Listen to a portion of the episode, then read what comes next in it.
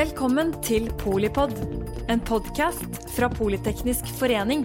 Et kunnskapsbasert medlemsnettverk for bærekraftig teknologi og samfunnsutvikling.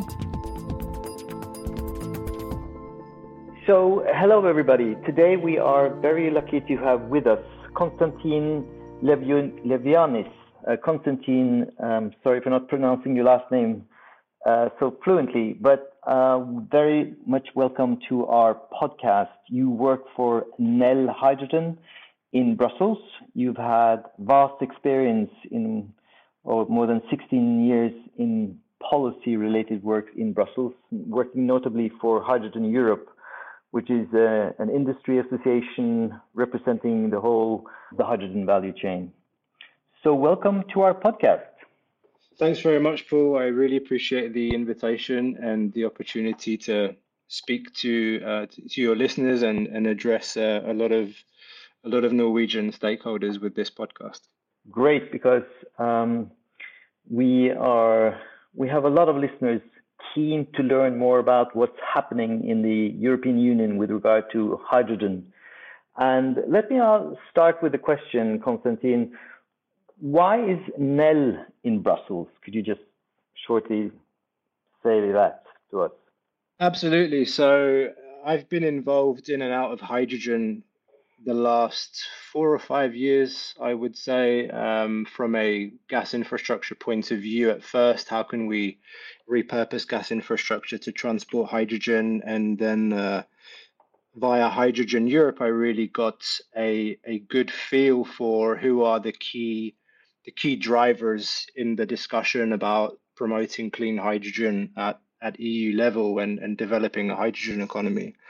And the voice of the electrolyzer manufacturers was in my in my eyes drowned out quite a lot by by the bigger players and a lot of uh, you know when when the voice of players is drowned out or not loud enough, their positions are often represented by people that don't understand their positions as well as you know, the companies themselves. So I think there was a real a real need for electro, electrolyzer manufacturers to become present on the Brussels scene to uh, to convey their positions themselves. Um, to do a lot of awareness raising to you know I, I don't like using always the word educating, uh, but you know we've had to do a lot of that um, since coming here. And you know one one example that I always gave to to my superiors at NEL about you know the lack of knowledge and uh, the awareness raising that we need to do here it, it's it's a very basic starting point that we had so i'll i'll tell you an anecdotal story one of the first meetings i had as a representative of nel Speaking with a commission official, I explained to them we're a pure play hydrogen technology company. We manufacture electrolyzers and hydrogen refueling stations. And I remember I remember the commission official then asking me, How much hydrogen do you produce? Yeah. And I said, No, let me you know, let me take a step back. We don't produce any hydrogen we manufacture the equipment that you need to produce renewable hydrogen. So that gives you a, a good flavor or understanding of you know what the starting point was here when it came to understanding who and what electrolyzer manufacturers are. So I think that's the, the one of the biggest value add that we have here as as NEL having a representation office in, in Brussels. And then of course, you know, the the standard uh, answer is to to represent NEL's interests and make sure that we we develop uh, market conditions and framework conditions that are favorable for the development of renewable hydrogen and uh, and making more sales of electrolyzers in Europe. Great. So you actually answered two questions there, Konstantin. Uh, one was uh, what NEL is all about. That's also very interesting for our listeners to learn and understand. And secondly, um, how the how the policy interaction mechanism works in Brussels, that you actually need to be present to ensure that people understand uh, whether it be in the Commission or the Parliament or the Council, that they understand how the industry actually works and operates. So excellent. That's a good start. Now, I thought we would start with a policy framework because we have heard a lot about hydrogen lately. Obviously, in the context of the uh, Green Deal, making Europe the first climate neutral continent in the world, where hydrogen will have to be the energy carrier that uh, allows for the decarbonization of what, what, what is often return, uh, referred to as the hard to abate sectors, the energy intensive industries, as well as transport and so forth. So I'd like to challenge you, Konstantin, first by saying, what do you see as what are the main policy um, areas and the policy initiatives from the EU with regard to promoting hydrogen? Well, I think if we take 2019 as the starting point of this um, of this mandate of the European Commission, uh, as you, you mentioned already, the the mantra of the European Commission when it came to energy was promoting the what they call the European Green Deal. So the, the European Green Deal is is all about changing the way we produce energy, changing the way we transport it, changing the way that we consume energy. Generally, you know, as as you mentioned, changing the energy system, transitioning towards a climate neutral economy. That's that's the goal, like you mentioned. In terms of hydrogen, I don't recall in 2019 hydrogen being such a massive thing until until in, in, in April, May, it became apparent and, and uh, it became apparent that, that the Commission should uh, draft a hydrogen strategy. And I think the the pandemic and the the related uh, you know decline in the economy it it gave rise to to this new new way of thinking or new impetus and momentum for for hydrogen and clean technologies in general, the European Commission um, came up with what they call the, the Next Generation EU Fund and the and the uh, COVID recovery plan. So that a lot of a lot of funds were made available to to clean energy technologies, including hydrogen, during the pandemic, and then they decided we're going to develop a hydrogen strategy for Europe. And that was around April, May 2020. And then the strategy was unveiled in, in July of 2020. I had the I had the opportunity to, to work on that in my position as, as Hydrogen Europe. And and you know, as part of this strategy, one of the main objectives set out was to um, to achieve a total installed capacity of 40 gigawatts of electrolyzers in Europe. So that was a big, uh, you know, a big policy signal in terms of you know where are we going with with hydrogen in Europe. There is a big need to transition uh, from conventional hydrogen, which is made from from fossil fuels, to renewable hydrogen. And just to give you give you the numbers, 99% of hydrogen consumed today in Europe is produced with fossil fuels. And it's the same around the world. You can apply those numbers around the world. 99% of the hydrogen consumed is produced via fossil fuels. And our objective at NEL is to turn that 1% of renewable today, maybe less, into 100% long term. And the hydrogen strategy of the European Union is uh, a starting point. And Europe was and still is until now a, a leading voice on hydrogen. The hydrogen strategies publication back in 2020 July it created a domino of uh, of different hydrogen strategies being developed and published around the world. So that is that is essentially the starting point of the the policy framework for for hydrogen? How do we uh, and then the next steps, of course, okay, how do we actually put this into into place with regulation? Exactly, and that that was my my follow up question. Um, EU can often be a little bit confusing to our listeners because it's all and nothing. and what you describe now, Konstantin, a very good description of EU as a policy arena where the Commission actually produces a strategy, a vision, carves out a goal, uh, and then the next level then is to transform these policy goals into regulatory tools. Uh, and here we see a variety of, um, of elements. So my next question is, where do we stand on the regulatory side and what are the key regulatory, uh, a key, as we say in Brussels, directives and so forth that will promote the production of, uh, of hydrogen? Okay, so essentially, what you need to focus on in developing a renewable hydrogen economy, uh, there, there are three things. One thing is you, you need to ensure the supply.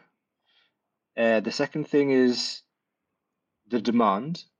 And the third is having the financial tools and means available to, to make this happen. So, starting with the supply side, in order for a project developer to have clarity, he needs to know what are the definitions. What is the definition of renewable hydrogen? What criteria need to be met to ensure that I can certify the hydrogen I produce as renewable hydrogen? And this was uh, regulated via the Renewable Energy Directive in a secondary legislation that is known as a delegated act. And I'm trying to keep this as simple as I can. the, the, Absolutely, the, that's not easy. The delegated act of the Renewable Energy Directive is essentially what sets the criteria to define renewable hydrogen. So the European Union uh, sometimes likes to make things uh, complicated uh, or, or, maybe if you want to look at it from the other way around, uh, not not so simple. So a renewable hydrogen producer has to prove three things essentially. It needs to prove additionality, temporal correlation, and geographic correlation. Uh, simply put, additionality means that you need to prove that you're using additional renewable capacities to produce your renewable hydrogen. That is to say, you know, the purpose of this is to ensure that we're not um, we're not otherwise taking away renewable electricity that would otherwise decarbonize, let's say, the power sector. So we need to the, the, the goal, one of the goals of the renewable, uh, sorry, of the European Union, is to fully decarbonize, let's say, the energy sector. So we need to make sure there are additional capacities available so that we have renewables for our electricity, our heating, but that we also have renewables available to decarbonize our our heavy industries, our our trucks, our aviation, maritime, etc. For that, you need you need hydrogen. Uh, I, we we don't. I, I, I suspect we don't need to dive into those details, or we can later on in in discussion, Paal. No, but uh, good point because the principle of additionality is obviously vitally important uh, as you say, so we don't carve into the renewable production aimed for replacing fossil fuels other places in the economy. But I do understand, Konstantin, that there has been some degree of derogation to this additionality principle, notably for countries like Norway, who has such a large part of our electricity production from renewables. Am I uh, is that true? Or? So this is an interesting one because um, a, a, journalist in, in Norway the other day spoke to me about derogations, and I would I would use that term a little a little bit carefully. Uh, we're not we're not talking about a derogation for for Norway or, or, or other countries. There are certain conditions that need to be met to prove additionality, and the the conditions in Norway are somewhat favorable, let's say, to, to some of these criteria. Let me explain. So uh, one criteria is that if a proportion of renewable power in the grid exceeds 90% in the previous calendar year, in the same bidding zone, as a hydrogen plant, then you don't need to sign a renewable PPA, prove additionality, because your grid mix is already sufficiently renewable, higher than like 90% higher. In Norway, yep. as far as I know, we trade a lot of guarantees of origin, which to other countries. So that means that our our grid, our residual grid mix is is actually below 90% most calendar years. But it could be, it could be because we use a lot of hydro. Uh, there are more plans for, for, for wind in Norway. It could be the case that Norway doesn't need to apply strict additionality criteria because we in Norway there are already so there's already a sufficient amount of renewables in the grid. All right, I think that that's as good as detail level as we can yep. get to. So very clarifying. Thank you. What about those two other criteria? Temporal correlation. Uh, basically, what that means is that hydrogen production has to occur within a specific time period as the renewable power generated under a renewable power purchase agreement. So the discussion there it, it, it, it ranged from having um, a daily or hourly matching of temporal correlation all the way up to annual temporal correlation and in the end we we've we've arrived at a compromise with a monthly temporal correlation so the production of renewable hydrogen has to occur within the same month as the renewables that are being uh, generated under a PPA. Okay. And the third is geographic correlation, where the renewable asset and the hydrogen plant have to be located within a certain geographic area. Which includes uh, traffic, uh, which would be uh, across boundaries or within one that country? would be within within one country, but there are there are some exceptions that can be made there. Okay, excellent. So now you describe, for, for example, the... sorry, just to clarify that point. For example, in the North Sea, for example, if you're if you consider that you could consider parts of the North Sea uh, adjoining uh, within the context of this geographic area. Mm-hmm. So now we've landed on the EU um, criteria for certifying what's clean hydrogen. So that is on the supply side. And would you say that chapter is now cleared? It's closed. We're good to go. So, so the supply side, um, specifically this delegated act, it's this has been a long and arduous process. Three years of negotiation on this topic. It's been highly, mm-hmm. highly politicized, highly controversial, and a very complex topic.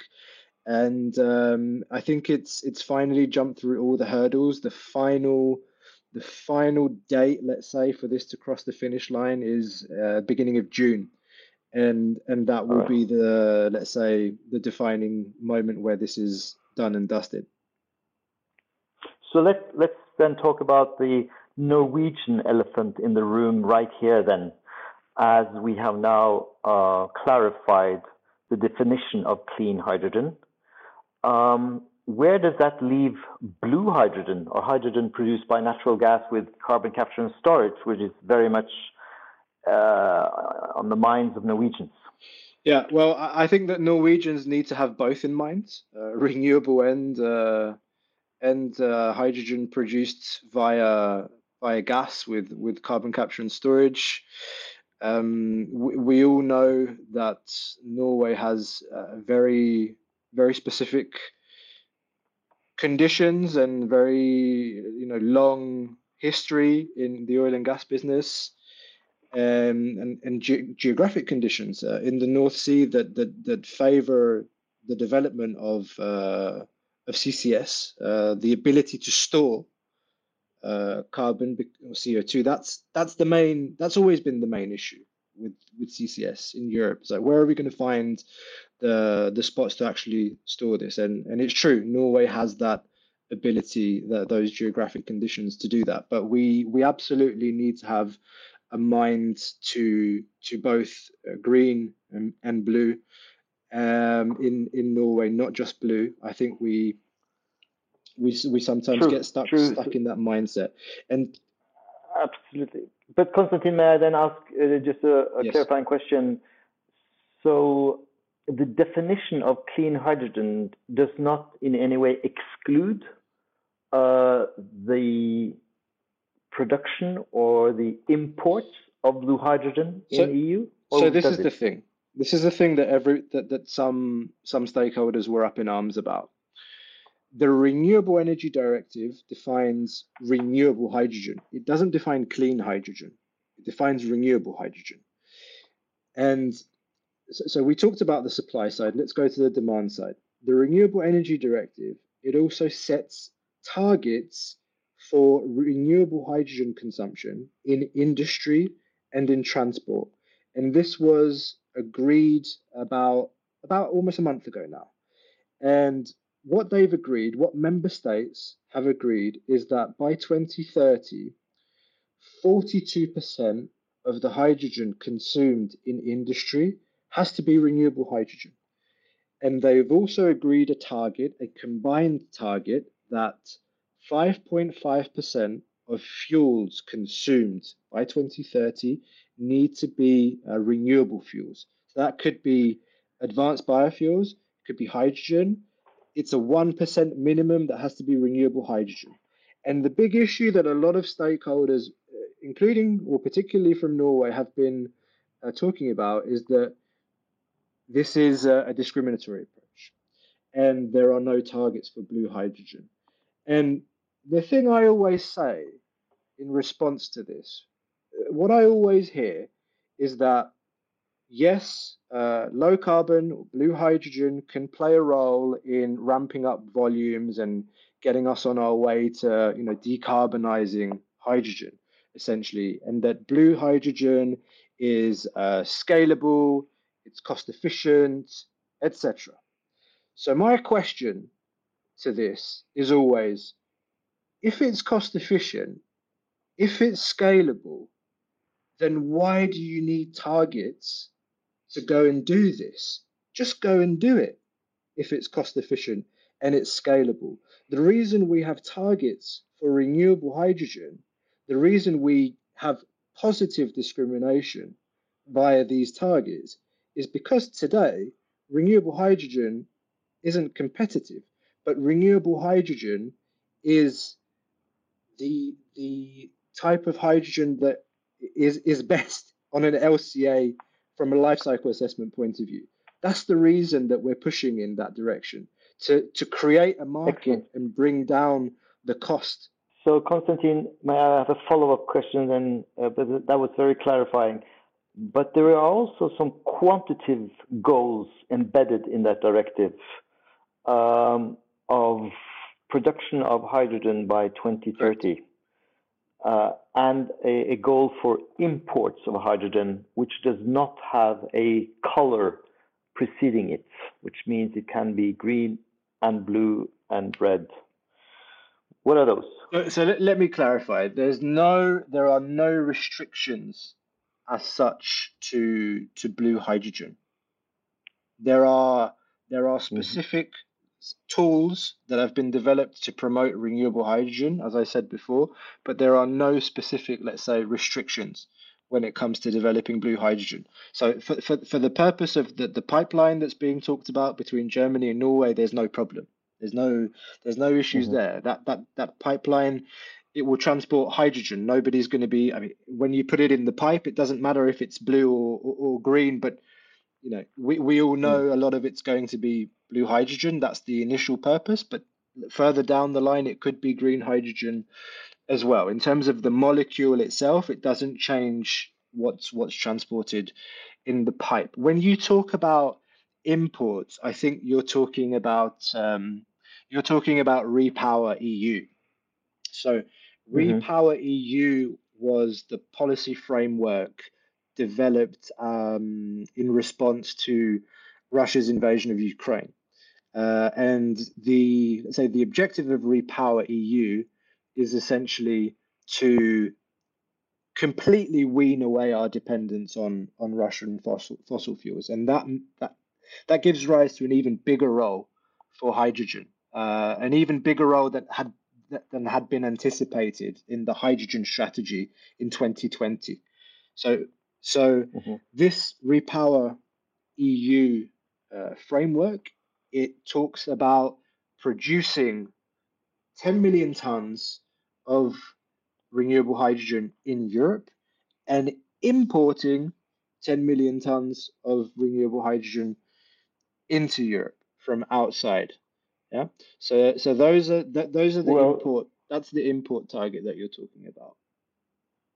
All right, but you said producing 10 million tons of yep. renewable hydrogen and importing 10 million tons of hydrogen renewable or renewable hydrogen. hydrogen? In both in both cases, okay. what the EU is talking about right. is renewable hydrogen.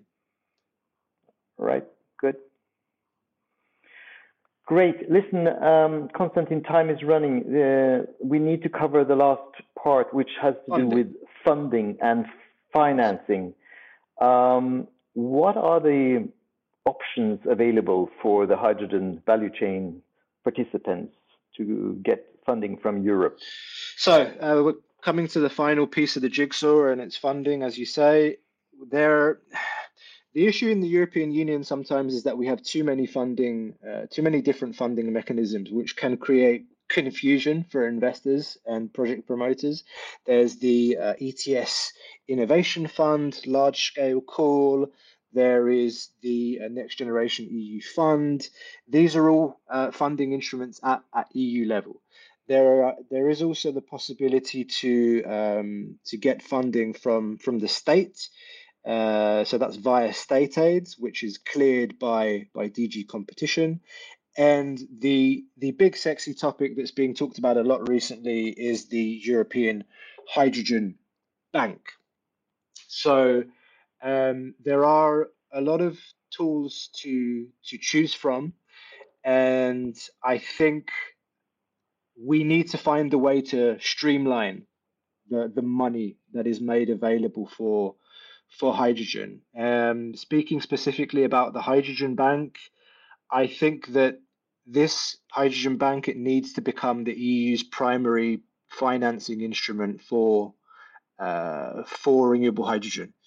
So it it doesn't make sense, for example, to have an ETS innovation large scale call that provides money for production and supply, and then have another tool that does the same. From a money and resourcing point of view, if you pull it all into one place, it creates simplicity, transparency, and clarity for an investor, a project promoter to go to the one source that is the EU pot for production and supply. And that's what the European Hydrogen Bank should be. That's how we can make the European Hydrogen Bank a response to the money that's been put forward in, let's say, the US uh, Inflation Reduction Act, something that is talked about a lot, including in Norway. And and from a manufacturing point of view, because we need to we need to scale up rapidly we're being asked to scale up essentially to the tune of you know what the wind and solar industry did in 15 20 years we need to do it in 7 so well so you so, need you need so a separate fund for that as well. Yeah yeah. And this was um, if i'm not mistaken uh, was kind of a, a surprise when the president of the commission ursula von der leyen uh, launched the Hydrogen Bank at the State of the European Union back in September 2022, uh, because there was really no particular framework. It was just yeah. an idea. And uh, so, would you say um, this has now become more institutionalized and we have a, a place to go to? Um, to to apply for funding? Yeah, very good question. So indeed, when Ursula von der Leyen presented the idea of the hydrogen bank in the State of the Union, she she, she basically read out a line in her speech and said, "We're going to do a hydrogen bank and we're going to put three billion into it." And that was it. And then that that created mm. this huge frenzy um, around the hydrogen bank, and there wasn't a lot of meat on the bone. Nobody really knew what this was about. And I'm happy to tell you now that um, the hydrogen bank is um, is in a phase of public consultation right now, with a view to having a first auction scheme in the autumn of this year. So this first pilot auction will have 800 million available for this. I, I clarify once more. This is a pilot auction with 800 million put into mm-hmm. it. Uh, they're doing this auction to to test the market essentially to see to see what mm-hmm. kind of projects come back because we have this mm-hmm. huge project pipeline uh, of let's you know close to 100 gigawatts worth of projects this is uh, something that um, that we did in the European Clean Hydrogen Alliance, a place where all hydrogen players came together to identify, you know, what's the demand for for for clean renewable hydrogen in in Europe, and it's close to 100 gigawatts. But less than today, less than 10% of those are reaching final investment decision. Now that we have the supply uh, rules in place, now that we have the demand rules in place, the, the targets, this is the missing piece, the financing to unlock those FIDs. So this is why this pilot auction is so important. It's coming up now. Um, after the pilot auction, we will need uh, around 10 to 12 billion a year to to be put into this bank to help finance uh, the needs and objectives of the EU when it comes to when it comes to renewable hydrogen. Those are those are the figures. And indeed, uh, what you just said means that the Hydrogen Bank will only fund renewable hydrogen projects? At the moment, the way the terms and conditions are drafted, only renewable hydrogen. Right. And is it fair to say that, wow, uh, you know, uh, Ursula von der Leyen drawing this uh, up from her hat in September, and one year later you have a pilot call for 800 million euro? Would you say that's pretty fast and good?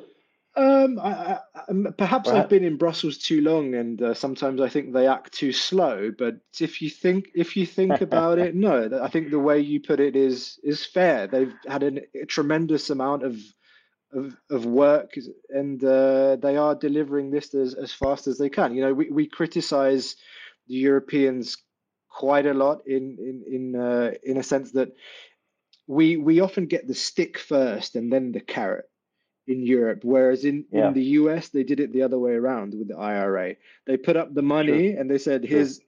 here's the carrot, and we'll worry about the stick later." But but but I have yeah. to say, in Europe, finally, it, it, really looks to be coming together with that this, the supply side, the demand yeah. side, and the financing instruments being made available. Constantine Levoyannis, thank you so much for um, participating on our podcast. I found this very, very useful. I'm sure that Norwegian listeners will do so too. Um, your, your, the clarity in the way you describe this is very, very useful for us, and uh, we look forward to to interacting with you and speaking to you further in My the future. My pleasure, Paal. Thank you very much. Bye. Bye now. Takk for at du lyttet til Polipod fra Politeknisk forening. Få med deg flere episoder, eller bli med på nettverksmøtene som du finner på at polyteknisk.